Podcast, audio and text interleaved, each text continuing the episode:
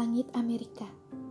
Jika dia diminta bercerita, kelak akan ia suguhkan satu sejarah pahit ketika penjajah Eropa membabat jutaan jiwa manusia tak berdosa, membakar rumah-rumah, dan mempekerjakan paksa kaum pribumi. Keserakahan mengalahkan kemanusiaan, kesombongan mengalahkan nurani. Di tanah Amerika, kini mereka gaungkan kebebasan dan toleransi.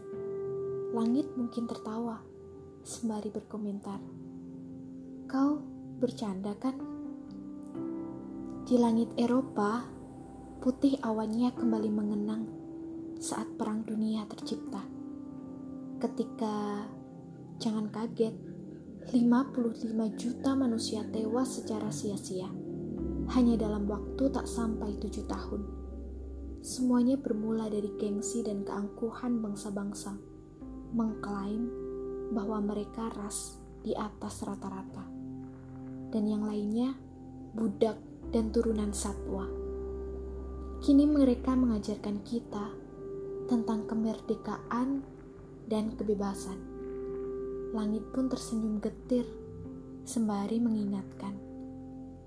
Masihkah kau punya muka? Namun, langit punya kenangan indah di masa ketika malamnya pernah menjadi siang. Ia mengenang ketika lahir seorang utusan. Dan di saat yang sama, ia melihat api majusi padam. Ia lihat istana Kisra runtuh. Kemudian kenangan itu makin indah dan bertambah di sudut yang lain. Ketika Jibril sering kali turun memerantarakan wahyunya. Di Mekah dan Madinah itu, langit bahagia merekam setiap jejaknya. Itulah kenapa mungkin kita merasa lega ketika melihat langit, sebab seakan-akan ketika ada masalah menghujam jiwa, Mata ini memandang langit, lalu seakan mendapat bisikan. Hei, aku sudah melihat ribuan zaman berganti-ganti di muka bumi ini. Dan sebenarnya, kau sudah dapatkan apa yang kau cari. Tapi kau terlalu ingkar dan banyak angkuhnya untuk menerima semua ini. Sujudlah saja dulu di atas bumi, wahai manusia. Sepetak tanahmu bersujud memang sempit, namun hatimu akan lebih luas dari hamparanku. Sebab kau sedang bermesraan dengan Tuhanku dan juga dengan Tuhanmu, bisik langit yang bijaksana. Well, bukannya langit pagi, siang, atau sore dan bahkan langit malam pun punya keindahannya masing-masing. Ada orang pernah bilang, orang-orang terlalu penuh optimis melihat langit pagi. Penuh harapan, penuh keyakinan, tapi bagaimana kabar sih harapan pagi itu setelah sehari berlalu? Setelah senja datang dan langit mulai gelap, rasa sesalkah? Mungkin karena itu yang terjadi tidak sesuai harapan, yang bergemuruh hebat saat pagi, atau rasa syukurkah? Karena Apa pun yang terjadi, hari ini adalah hari ini. Esok masih punya sisi misteriusnya yang terawali dengan ditutupnya hari ini. So, menurut saya, semua itu hanya soal perspektif tentang mengolah harapan menjadi rasa syukur.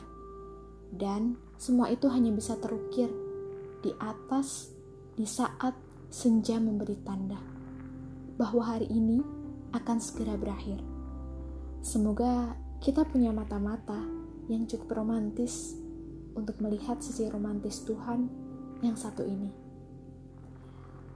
Jadi, memang hidup ini singkat, maka titipkanlah sebuah asa. Jika kamu dan saya sepaham soal langit di atas tadi, kita pasti sepaham dengan hidup ini singkat, terlalu singkat bahkan untuk tidak dinikmati dengan penuh rasa syukur sebesar-besarnya kepada Sang Maha segalanya. Dan rasa ini harus kita bagikan untuk manusia-manusia lain yang membutuhkan asa atau harapan. Bukan untuk mengajari mereka, tetapi lebih ke menginspirasi.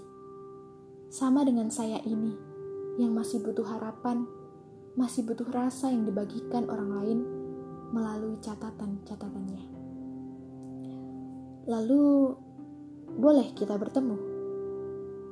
Kita masih berada pada langit yang sama, aku dan kamu.